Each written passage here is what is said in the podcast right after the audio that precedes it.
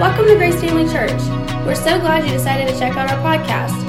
Our prayer is that this teaching from Pastor Tommy will encourage your faith and lead you towards the greatness God has planned for you. Thanks again for listening. We hope you enjoy this message. I want to conclude today the series I've been teaching, As It Is in Heaven. You know, this is always a loaded question, so you feel like you have to answer yes. But how, how many of you have actually uh, got something from this series, As It Is in Heaven? How many of you have ever got something from it? Um, I, you know, I know I have. It's challenged me, and what we've been talking about in this series, it's really challenged me to raise the level of my expectation of what God wants me to have in my life. It's really challenged you know, some limitations that maybe religion has, has laid upon me. Uh, and, and I hope it's done the same for you. That, that you know, uh, and what we've been doing is we've really been looking at, you know, heaven and what's going on in heaven, and then encouraging ourselves to believe for those very same things while we're here on this side of heaven. You know, a lot of people think that, you know, and there's lots of songs about it, you know, in the sweet by and by, and, you know, all those things. And, and it'll be wonderful. How many realize it'll be more wonderful than it could ever be here when we get to heaven? How many realize that? So I'm not saying that. But what I am saying is that Jesus, and we see this in our opening text that we use, told us to believe and pray for what is going on in heaven to happen here right now. And so, you know, I think so many times religion can take, you know, that idea of what's going on in heaven and just think, well, that's just, you know, when we get there. But Jesus would not have told us to pray for something had it not been the possibility of experiencing some of it at least here. Amen? And so, Matthew chapter 6 and verse 9, we see Jesus encouraging us to do that. So, let's read that, then we'll pray, and then we'll jump into uh, what we have today to bring this series to a conclusion. Matthew chapter 6 and verse 9 says, This then is how you should pray. Our Father in heaven, hallowed be your name. Your kingdom come, your will be done on earth as it is in heaven. Let's pray. Father, we come to you right now in the name of Jesus and we love you. We're so grateful for Jesus. Man, as we sing and worship, I am so thankful for him. I am so thankful that no matter what we uh, face in life, that he is someone we can run to and all the arguments all the things, all the baggage just falls away. So I thank you for that taking place as we minister your word today. I thank you that as we unfold and open the Word of God today, that it would come forth with a spirit of grace and that we would walk out of this place better because we've chosen to make time to hear your Word today. And I just give you praise and thanks for helping me do that. In Jesus' name, amen. You know, as we see here, the last phrase of verse 10, he says, Your will be done on earth as it is in heaven. As I was, I shared you know, early on when I put this series together, you know, the Lord really challenged me that what he was telling us to do was pray for that, not to wish for that. How many of you say, everybody say wish, everybody say prayer. How many realize there's a difference in the two? And I've stressed this every week, and I don't, once again, I'm not doing it just to, you know, drive it in, but maybe that is why I'm doing it. It's important to understand. Jesus told us to pray. And we define that word pray, that word pray is this to interact with the Lord in a manner in which he imparts faith, divine persuasion, and confidence that the object of the desire has been received. You know, wish is sort of like when you wish upon a star. You know, if I didn't do that very well, but how many of you realize, you know, it's just sort of a wish, right? you know, you're just sort of looking out there and, um, you know, Jiminy Cricket, remember him? You know, he sang that song. You know, it's just sort of a wish. I'm, I'm hoping it'll happen, but I really don't think it will. Jesus did not tell us to pray as it is in heaven, so be it on earth. He didn't tell us to wish that. He told us to pray that, to come to God with confidence that what we are praying for could and would be received in our lives here on earth. And so we've been talking about what are some of those things he encourages us to believe for. And we pointed out several things. We pointed out the, that we should be believing and expecting the atmosphere of heaven to be in our lives every day. You know, the atmosphere of heaven is one of lightness and happiness and joy.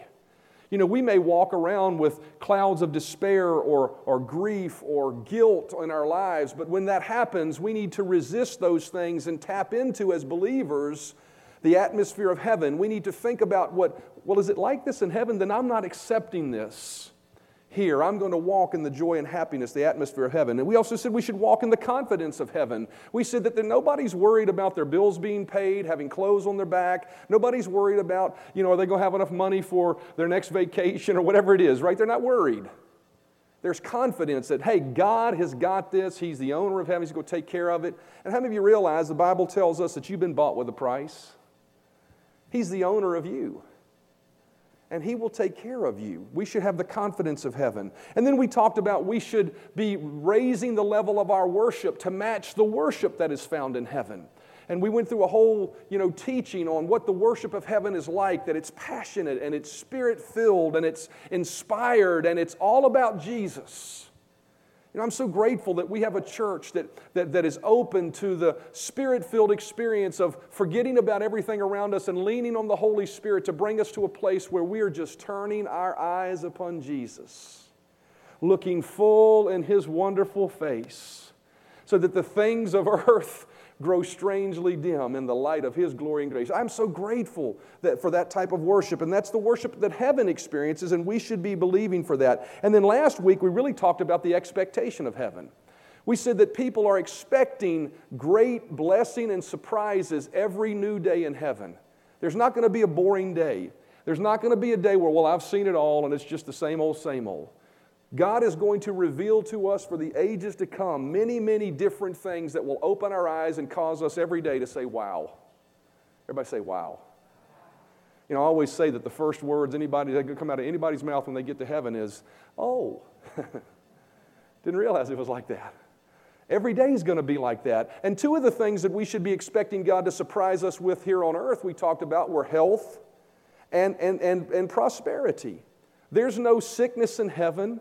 And there is no, there is no lack in heaven. Matter of fact, there's financial extravagance in heaven. And so we should be believing for those things. We should be believing to walk in. I want to stress this because I don't know if I stressed it enough last week.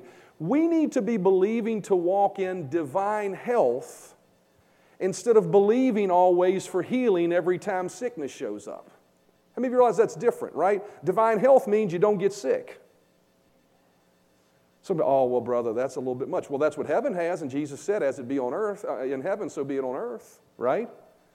Do I fall short of that? Have you fallen short of that? Certainly have, but just because I fall short of it doesn't mean I'm not going to expect and believe for what God said I could have. And that is that the spans of time in my life between sickness should be zero. There should be no sickness in my life. And I'm going to stand on that because that's what Jesus paid for, and that's what is in heaven today. Same thing when it comes to financial uh, extra, uh, uh prosperity. In heaven, there is extravagance in heaven. We talked about it, right? How many of you realize there's a difference in living from I got a need, got to ask Jesus for the need, and then the need's met? There's a difference in that, and there's a need, but I got the money, so I'm going to pay for it. How many of you realize that's a difference? And I want you to understand something. People in heaven don't live the roller coaster of I'm doing good, then all of a sudden need shows up, and I got to believe for a miracle financially. In heaven, it's just, you know, we need it, let's just do it, right? We need to believe for that in our lives. Not a need meaning t- mentality, but an abundance mentality, because that's what's in heaven. Because God loves you that much. Not so you can be, uh, you know, consumed by riches and so you can be selfish and greedy. I'm not talking about that. I'm talking about having an abundance in your life so that all your needs are met and all your wants and desires are met and you've got everything left over to give and just continue to bless and help people. Amen. That's where God wants you to live. Amen. And we should be expecting that. Now, today, I want to conclude the series uh, by talking about another aspect of what's in heaven. Um, and this one, you know, is interesting because it may, it, it may be a little different. It may, it may not be quite the shouting woohoo, yes, rich and held and all that, but it is important for us to address this. And I could not exit this series without addressing this particular topic. Today, I want to talk to you about the character in heaven. Everybody say character. You know, what is character if you think about it for a minute? You know, I tried to, you know, I, just, I, I, thought about looking up definitions, and I often do that when I teach and lay out what a definition of it is. But as I thought about what character was, I really felt the Holy Spirit just impressing me just to boil it down to something really simple. Character is simply this character boils down to how you treat people and how you live out a holy life even when no one's looking. Everybody say, how you treat people and how you live when nobody's looking. That's character. Well, that could be bad character, right, if it's the wrong way. But good quality character is what we find in heaven. In heaven, how many of you realize people are treating each other nicely? How many of you realize there's no bitterness towards someone in heaven? There's nobody mad because you didn't do things the way I think you should do things in heaven. How many of you realize that? How many of you realize also there's no sin in heaven? Everybody say no sin? So today I want to talk to you about the character of heaven. And I want to talk to you about believing for the character that we see in heaven in our lives today expecting and purposing to walk in that character, expecting and, and purposing to exemplify Christ and the saints that are in heaven and the, the attitude and the, the heart they have toward each other and, the, and the, the holiness in which they walk in. And so I want to read to you several portions of Scripture to paint a picture of what is it like in heaven when it comes to character. Revelation chapter 21 and verse 3 says, And I heard a loud voice from heaven saying, Behold, the tabernacle of God is with men, and he will dwell with them, and they shall be his people. God himself will be with them and be their God. And God will wipe away every tear from their eyes. There shall be no more death, nor sorrow, nor crying. There shall be no more pain. Everybody say no more pain. For the former things have passed away. You know, I think about that word pain, and I think about, you know, one of the most painful things we can experience in our life is the, the, um, the falling apart of a relationship. How many of you realize that a relationship that we've invested in and that relationship falling apart can be extremely painful? You know, but the Bible says when we get to heaven, there'll be no more pain. Why? Because there won't be falling apart of relationships. There won't be relationships where people get mad at each other and stay mad at each other. There won't be relationships where people hold bitterness in their heart towards one another. Why? Because both parties, everybody say both parties. Because both parties in the equation are walking in the love and the compassion and the understanding of Jesus. Right? In heaven, there is no pain caused by not walking in love. And Micah chapter 4 and verse 1 says, But in the latter days, everybody say latter days. Uh, this, this verse is actually prophetic. Micah is prophesying about the day when Jesus returns with us after the tribulation and sets up his millennial reign here on earth, when heaven comes to earth. It says, But in the latter days it shall come to pass that the mountain of the house of the Lord shall be established as the highest of the mountains, and it shall be exalted above the hills, and peoples and peoples shall flow to it. And he shall judge between many peoples. Everybody say, judge between many peoples.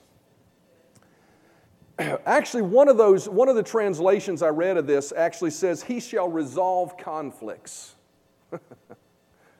when Jesus comes up and his presence permeates the earth, at that moment, at that instant, all conflicts will be resolved instantaneously by the love and forgiveness of God.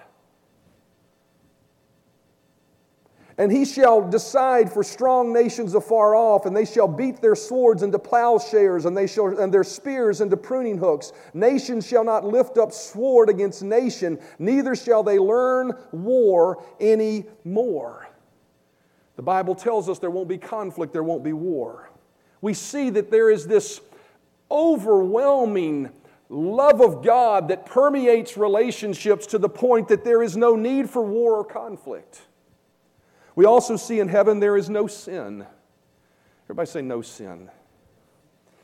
I'm going to read to you a couple of verses that at the, and, and, and then explain them to you. But Revelation 21, verse 27 says, But there shall be there shall by no means enter into, enter into it. Enter into what? Into heaven, if you read the previous verses. Anything that defiles or causes an abomination or a lie, but only those who are written in the Lamb's book of life. It says there'll be no, nothing that defiles in heaven, nothing sinful.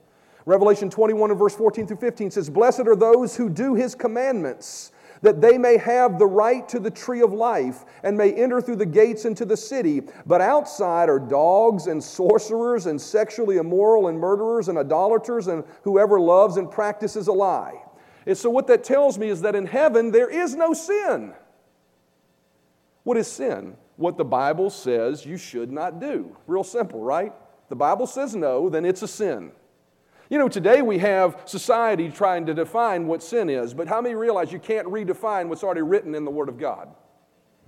Sin is sin. And what the Bible calls sin, the Bible says that will not abide in heaven. Psalm chapter 5 and verse 4, David said it this way You are not the kind of God who is pleased with evil. this is really strong. Sinners can't stay with you. Now, I got to tell you, when I read those scriptures and I was preparing for this message, there was a part of me that wanted to begin apologizing for these scriptures, so to speak. Wanted to figure out a loophole, so to speak, right? You know, I, I, uh, really looking for something because why? Because it's pretty harsh. How many of you realize, how many of you all sinned before? Okay, if you didn't answer yes to that, we need to bring you down here and pray for you all night long because you are a liar and you just sinned a second time if you only did it once. When I read those verses, and I got to tell you, even as a pastor, I thought, man, this is going to be a tough message this morning because we're talking about sin. We're talking about something we're all very familiar with. We've all sinned and come short of the glory of God, the Bible says. And what these verses say is there is no sin in heaven. And so as I read that, I found myself wanting to, be, uh, to apologize. Why? Because it seems to be sort of harsh as we look at it from this side of heaven. We've all not walked in love toward our neighbor. How many of you realize that's sin? We've all gotten mad at someone when things didn't go our way or see things our way. We all know people who have chosen to uh, live unbiblical lifestyles, and maybe there are some things unbiblical that the Bible says we shouldn't be doing that we hold on to as a little pet, a little pet in our life, right? And as we read those scriptures, you know, I, I found myself saying there's, there's got to be, there's got to be a loophole here, right? Because if that's the case, none of us get to heaven. But thank God for Jesus. Amen. We're going to get to the Jesus part in a moment. But what I want to do before we get to the Jesus part is I want to stop for a moment and recognize that these verses of Scripture are in the Bible. You know, sometimes people don't want to talk about living holy. Sometimes people don't want to talk about living without sin. Why? Because it makes us uncomfortable. But the Bible talks about it. And I find that many times the reason that we, we don't want to uh, uh, uh, uh look at this closely is because it hits so close to home so many times. I found myself looking for a loophole for at least a little bit of imperfection, right? Just a, a, little bit of bitterness and selfishness. You know, there's that one person I just don't want to forgive.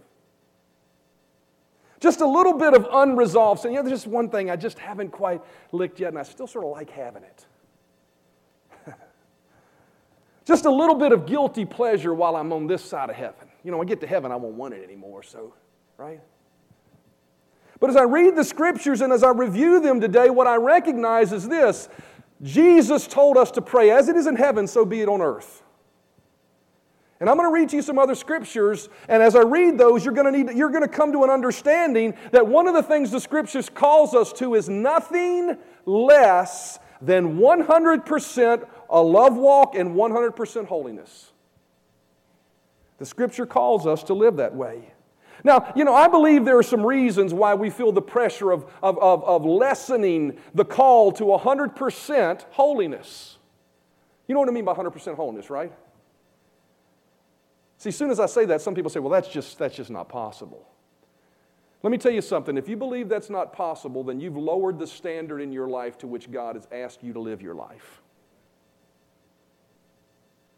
You've resolved that it's okay for you to have some sin in your life. And I want to let you know something.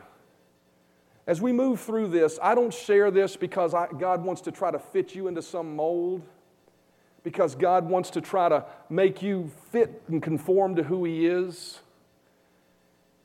I believe God wants to share this with us because He wants to keep us away from pain. And He wants to keep us away from the pain of hurting others. That's always why God calls us to live holy. That's always why God calls us to walk in love. You know, some people say, well, it's because He wants us to be like Jesus, and He does want us to be like Jesus. But why does He want us to be like Jesus? Because Jesus was in the business of helping people, not hurting them. And so, it's, and so, you know, I think sometimes one, one of the reasons that we try to lessen uh, the, the impact and, and the reality of the fact that God calls me to live today 100% holy. God calls me today to walk in love 100% of the time. Even, I joke about this all the time, but this is the truth, even when the guy cuts me off in traffic. He expects me to walk in love. He expects me to do that. And I think so many times we want to lessen that because, number one, maybe it's because we recognize that in, there's, there's areas in our life that we still need work on. But just because you need work in an area of your life doesn't mean you should lower the standard of what God expects. Amen? I also believe that one of the reasons we're, we deal with the, the, the, lessening or the degrading or the eroding of what real moral character is in our uh, society today is because our culture is beating upon it.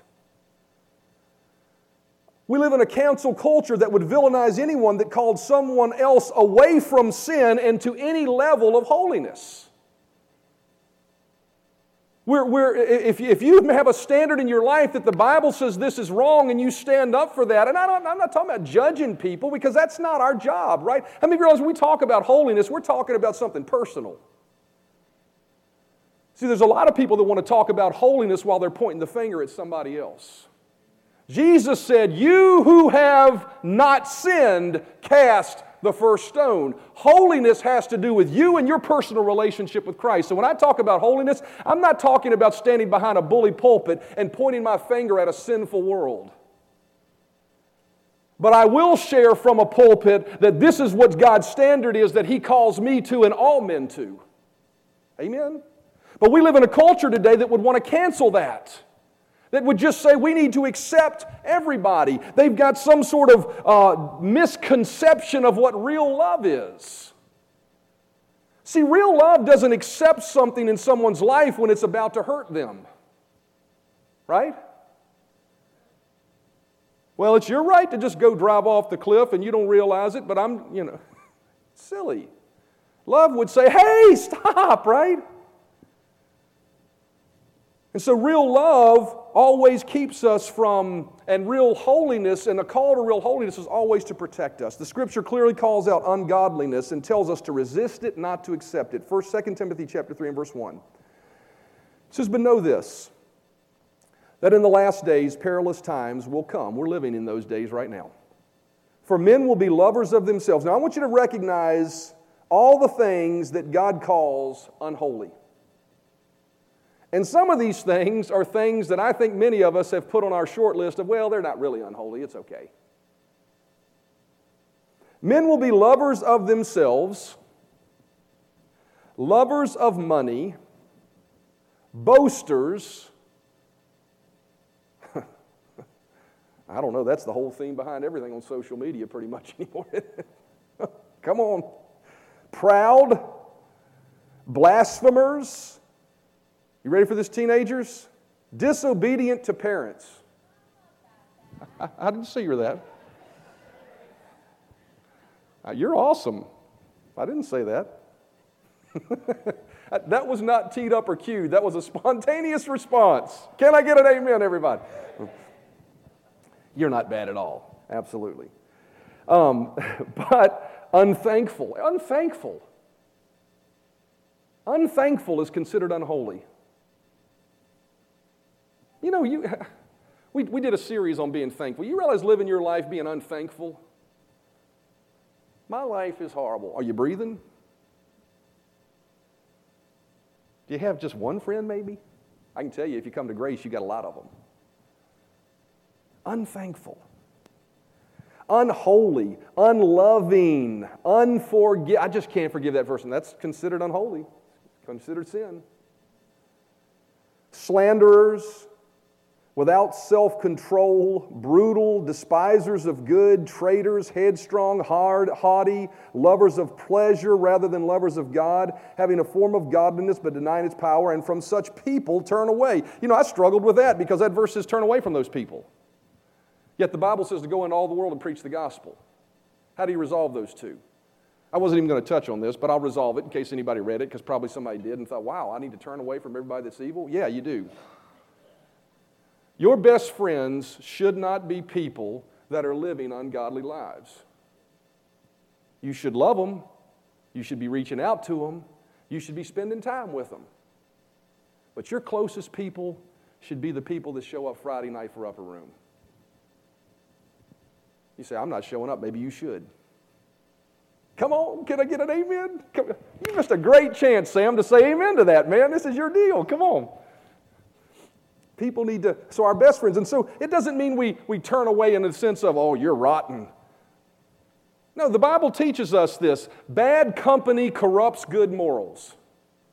Proverbs says that. Your best friends need to be believers. People that are excited about Jesus. Amen? And so the scripture tells us this is the lifestyle that we should be shying away from. Why? As I said, because it's harmful, it saps the power of the gospel. Sin has its wages.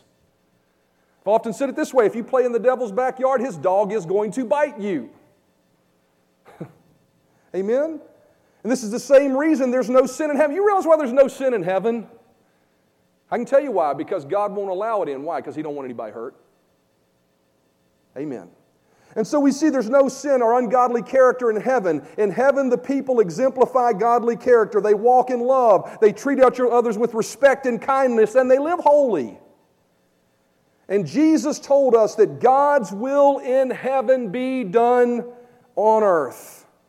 Just as we talked about in this series, you know, because we passionately talked about this, just as we talk about we should walk in the atmosphere of heaven, we should walk in the confidence of heaven, we should be believing for the health and prosperity of heaven, we should be jumping into the worship of heaven. In the same passion that we have for those things, we should also say, I'm going to walk in the holiness of heaven, and I'm going to walk in love like I was in heaven.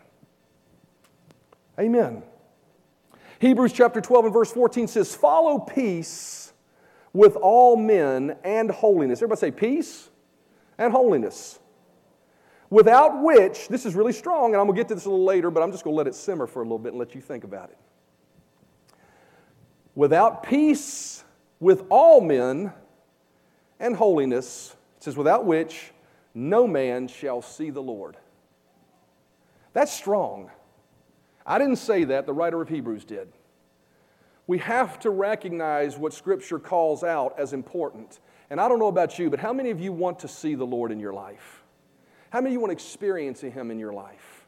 I can promise you this the level of holiness and love that you walk in will determine the level to which you experience God.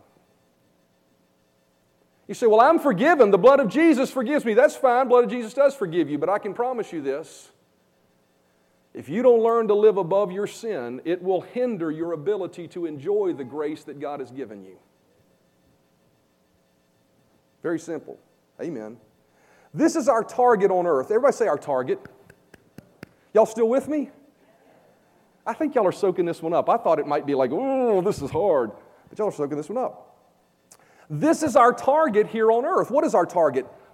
Peace with all men and holiness. Everybody say holiness again. If it were not possible for us to walk in holiness, God would not have asked us to do it. And yet, I think many people have just resolved well, I'm just a sinner saved by grace. I got my vices on this side of heaven. But Jesus calls us to holiness. Amen or oh me. Amen? Just as we should believe for all those things, we should not accept that it's okay for me to occasionally sin or to occasionally not walk in love. I, hope my family gets sick of hearing me say, just walk in love. And I got to tell you, I, I, live, I live with you know, teenagers and I live, you know, we, and we, we interact with people and some aren't believers and some are. And how many of you realize when you interact with people and, you know, even believers, you know, how many of you realize you're going to interact with people, there's going to be conflict? But it is not my right to pick and choose when I'm going to walk in love. Well, this one I'm going to stand up for myself. I'm going to defend myself, bless God. I'm going to tell them like it is. It's not my right to do that. I'm called to live holy.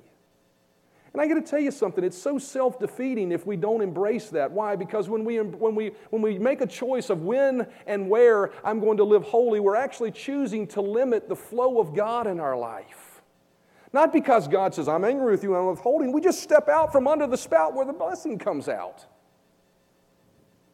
So it's important for us to live holy. So, first of all, I want to examine our love walk. You ready to go a little deeper? First Corinthians, 2 Corinthians chapter 13 and verse 11. This is the uh, extended, uh, the ESV version and the NIV version, a little compilation of both because I thought they both had good things to say, so I just sort of pieced them together. You can go back and read the original King James if you have a problem with that and see I'm not doing any injustice to it. How many of you realize the Bible wasn't written in King James anyway? Well, bless God, if the King James was good enough for Jesus, it's good enough for me. There was no King James with Jesus here. 2 Corinthians chapter 13, verse 11. Finally, brothers, rejoice. Aim for restoration. Everybody say aim for restoration. Whoo, that's strong, strong, strong, strong, strong, strong, strong when it comes to relationships. Because most of the time we don't aim for restoration. What do we do? We aim for defending our position. Aim for restoration, comfort one another, be of one mind, live in peace, and the God of love and peace will be with you. You want God of love and peace with you, then be a person of love and peace. Because where love and peace is, is where you'll find God. Amen. Walking in love and restoring, not destroying relationships is our call. We need to forgive when we're offended. Everybody say, forgive when I'm offended. We need to restore instead of walk away from relationships when things don't go our way. Amen. I got to tell you, many a church, many a relationship never needed to end if both parties would have aimed for restoration instead of aimed for trying to get what they want.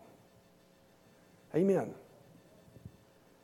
We need to learn to be of one mind. Ever, notice that phrase that uses the phrase one mind. Ever say one mind?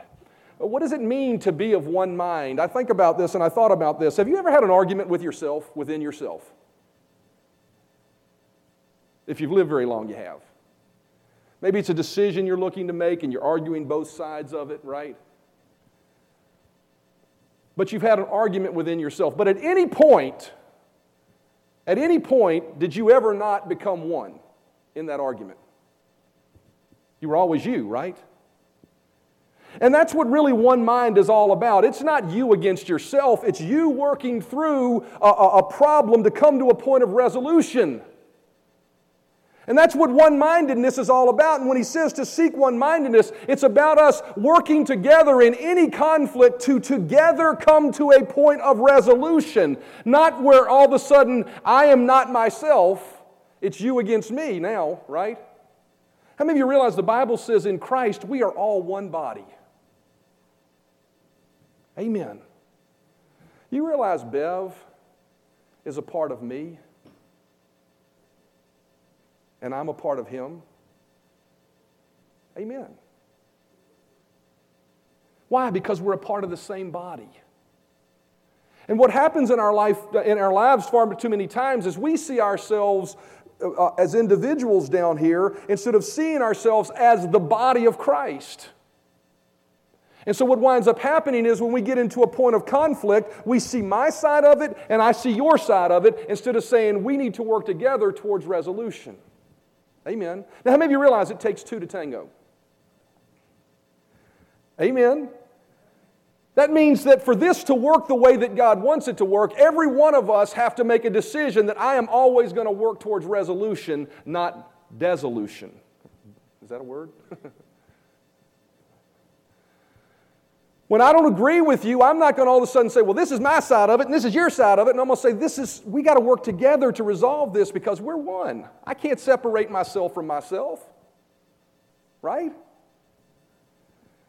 We need to stop seeing things as, uh, we, need to, we need to start seeing things as our issue instead of my issue. Amen.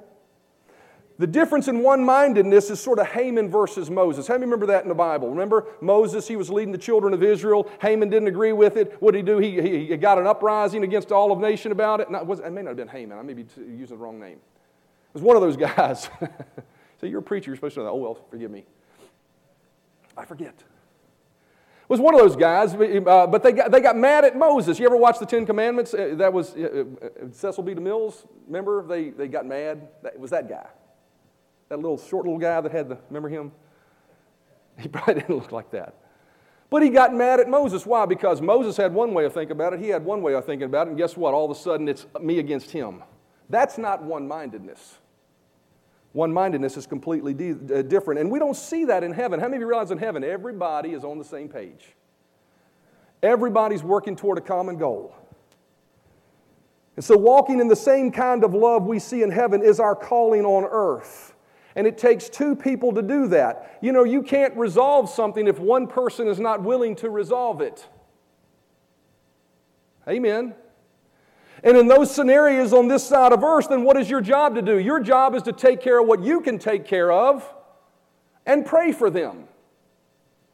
Right? And that's all you can do. But I will tell you this 100% of the time, you walking in love is what God has called you to. Amen. And so is living holy. Everybody say living holy. So we talked about the love part. Let's talk about the living holy part. 1 Peter chapter 1 verse 14 says, "As obedient children, do not conform to the evil desires you had when you lived in ignorance. But just as he who called you is holy, this is really strong, so be holy in all you do, for it is written, be holy because I am holy." Now I got to tell you something. That is strong. God says for us to be holy. If, if it was not possible to do it, then that would be so wrong of Him to ask us to do it. But I can tell you, there are some people that believe on this side of heaven you can't live holy. I'm telling you, as a human being, you may make mistakes, you may falter, you may, you may do, but I got to tell you, as a whole, you can live holy if you make it your goal. Not so you can beat your chest but so that you can be more like Jesus and you can protect yourself from more harm and hurt or hurting others. Amen? See, just because we've fallen short of holiness doesn't mean we should accept falling short as our standard. Right? The goal doesn't change. Just because I sin, just because I mess up, doesn't mean the goal change. Well, I just have proven over and over again that I can't do it, so I'm just going to lower the standard so I can. No. We are called to be a holy people, a peculiar nation who show forth the praises of Him. Holiness needs to be our, jo- our goal, just like joy and confidence. We should be expecting this. Are you getting up every day with holiness and love being one of the goals in your life? Amen. Our goal should be if Jesus wouldn't do it, then neither will I. Say, that's a pretty tall tale, brother. Well, then you got some work to do. But that doesn't mean that you should just give up on doing the work. Amen. If Jesus wouldn't do it, then don't you do it. If you couldn't sit next to Jesus in a room and do it, don't do it. If you couldn't offer Jesus to partake of it, then don't partake of it. And if Jesus would do it, then do it with all your heart. Now, here's the good news when we fall short of it, when we fall short of holiness, what do we need to do? We need to do just what we did before in worship. We need to call out on the name of Jesus. Because that is a strong tower we can run into when we fall short. 1 John chapter 2 and verse 1 says, the musicians come. It says, My dear children, I write this to you so that you will not sin. So, first of all, I want you to understand something. Paul, and, and, I mean John here in 1 John chapter 2, and actually in, chapter 1, if you, if you want to do a Bible study, go read these two this week 1 John chapter 1 and 1 John chapter 2. Study them out. We're going to hit verse 1 in chapter 1 in just a moment, but he says, I write this to you. I write what? The previous chapter. Now, it didn't come in chapters and books, it was a flowing letter, but he said, I write these previous things I said to you in chapter 1 Why did I write these to you? So you do not sin.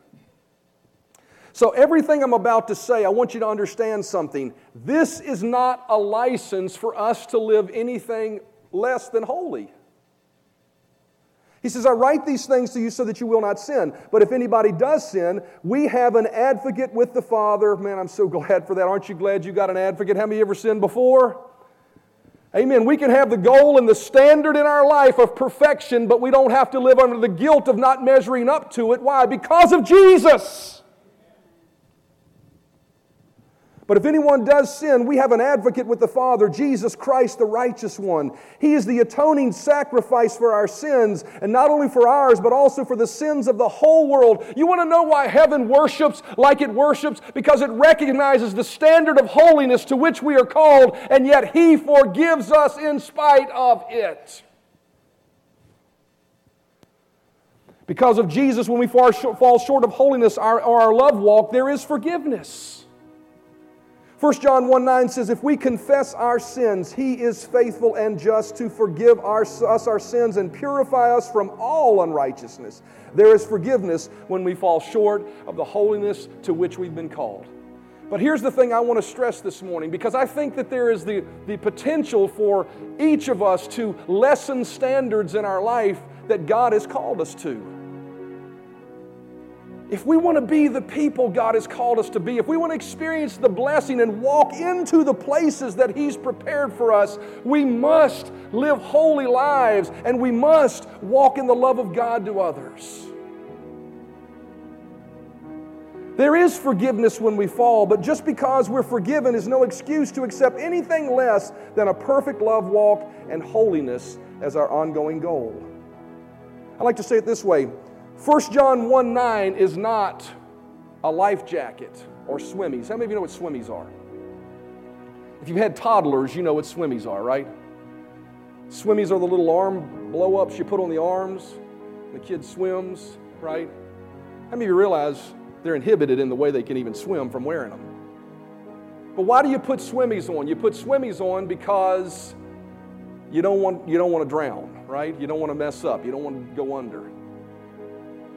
But real freedom in life is not swimming with swimmies. Real freedom in life is not needing the swimmies. That's why, that's why uh, David said it's, more, it's, it's better to obey than to sacrifice. You know, the Bible says in Hebrews, we have a high priest who is touched with the feeling of our infirmities. Therefore, let us come with boldness to find mercy and grace to help in a time of need. But how much better would it be to walk in not needing the mercy? Not having to walk through that step and that mess and all of that. You know, we're, we're always going to have areas of ignorance where we haven't attained yet. But how, how much better would it be to walk in the areas of light we do have? So when we walk into His presence, there's not this always, all right, Lord, thank you that you forgive me and I got a right to be here, but it's just walking in because we are holy. We're living where we need to be living, we're lined up. Amen. Why should we embrace holiness? Why should we not accept the standard of anything less? Because when you accept the standard of anything less, you've just identified yourself as something less than holy. I remember when I was growing up, my mama did a really good job of this with me. I'm so thankful for godly parents. Hope you're listening, mama. But I, she did a really good job of this. When I was growing up, I mean, I would go out and I would do things as a teenager. And I don't say this to, for teenagers to say, well, everybody's going to do it. No, I, that's not it. But I would go out and do things I shouldn't have done. But I remember before I ever did it, my mom always saying to me, Hey, Tommy, you're a good boy. I expect you to be a good boy. She identified me with being a good boy. So even when I wasn't doing what I should have been doing, I knew it wasn't me. Not, not it wasn't me that did it, right? But that's not who I am. And that's why we should never lower the standard of holiness to be I'm just a sinner. I'm just I'm never going to be perfect. I'm going to thank God for the blood of Jesus all the way through my life for all the things I'm not willing to resolve and I'm not willing to lay down. Because when we do that, we identify, our, we identify ourselves with that sin. But when we choose to say, no, my standard is holiness because that's who He says I am, guess what? It allows us to become who He says we are. Instead of residing where all the pain and junk is that He doesn't want us to experience. Amen. Hebrews chapter 12 and verse 4 says, Follow peace with all men and holiness, without which no man shall see the Lord. Now I want to remove a little bit of fear before we close. See, we can all look at that and say, man, there's, I haven't walked in love. I haven't always been holy. Does that mean I can't see Jesus? The question is, without what? Without what can we not see the Lord? Without holiness? Without peace with all men? No, that's not what he's saying. He's saying without, here it is, the important part, the first word, follow. Everybody say follow. Everybody say follow. He's saying without following after peace and holiness, you can't see God. What does that mean? That means without retaining the goal of holiness and doing our best to stay on the path to stay after it so that when even I fall, I'm not going to embrace it and say, This is mine, I can't get rid of it, but I'm going to work on getting rid of it. I'm going to stay on the path. Everybody say, Stay on the path. See, you want to know how to ensure that heaven's your home? It's not the people that live perfect that are going to make it to heaven. It's the people that are striving to be like Jesus and putting their trust in Him even when they fail.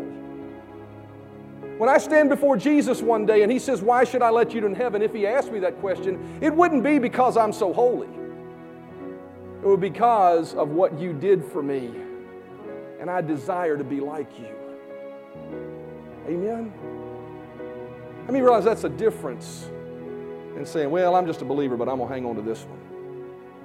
Because when you hang on to that one, all of a sudden you've made a choice to identify with that and say, I want to be this more than I want to be that. And I can tell you that's a dangerous place to be if you're a Christian. It's a dangerous place to be. Because eventually you can head down that path to the point where you say, I don't want you, I want this. Amen? We need to pray for people that are in those situations. Believe God for God to open their eyes. But for you and me that are sitting here today, what do we need to do? We need to make following after holiness the goal, knowing that if I will continue to stay on the path, that even when I fall, to get back up, that a righteous man may fall seven times, but he gets back up and gets back on the path and keeps trying to follow. If that's me, then I can be assured that I will and he will never leave me, never forsake me. Amen? Amen. Let's close with this Matthew chapter 6, verses 9 to, the, 9 to 10. This then is how we should pray Our Father in heaven, hallowed be your name. Your kingdom come, your will be done on earth as it is in heaven. Let's believe and expect for what's in heaven in our lives today. Let's believe for the joy, amen, and the happiness and the lightness of heaven. Let's embrace that. Let's believe for the faith and confidence, and let's walk in that. Let's worship with adoration for who He is and what He's done for us. Let's hope and expect the blessings and surprises every day around every corner of our life that the people experience in heaven. And let's walk in the love and holiness that we find in heaven today. Amen. Bow your heads with me. Father, I thank you so much for your truth. I have done my best to declare that this morning. I pray that it came across with a spirit of grace, that it did not come across with the wagging finger of condemnation and guilt ridden declaration that oftentimes sin, sin is preached about. But I pray it truly came across with the grace and understanding that you have called us to be holy, Father, because you want us to experience life like you have it. And I pray that we would walk towards that every day of our lives.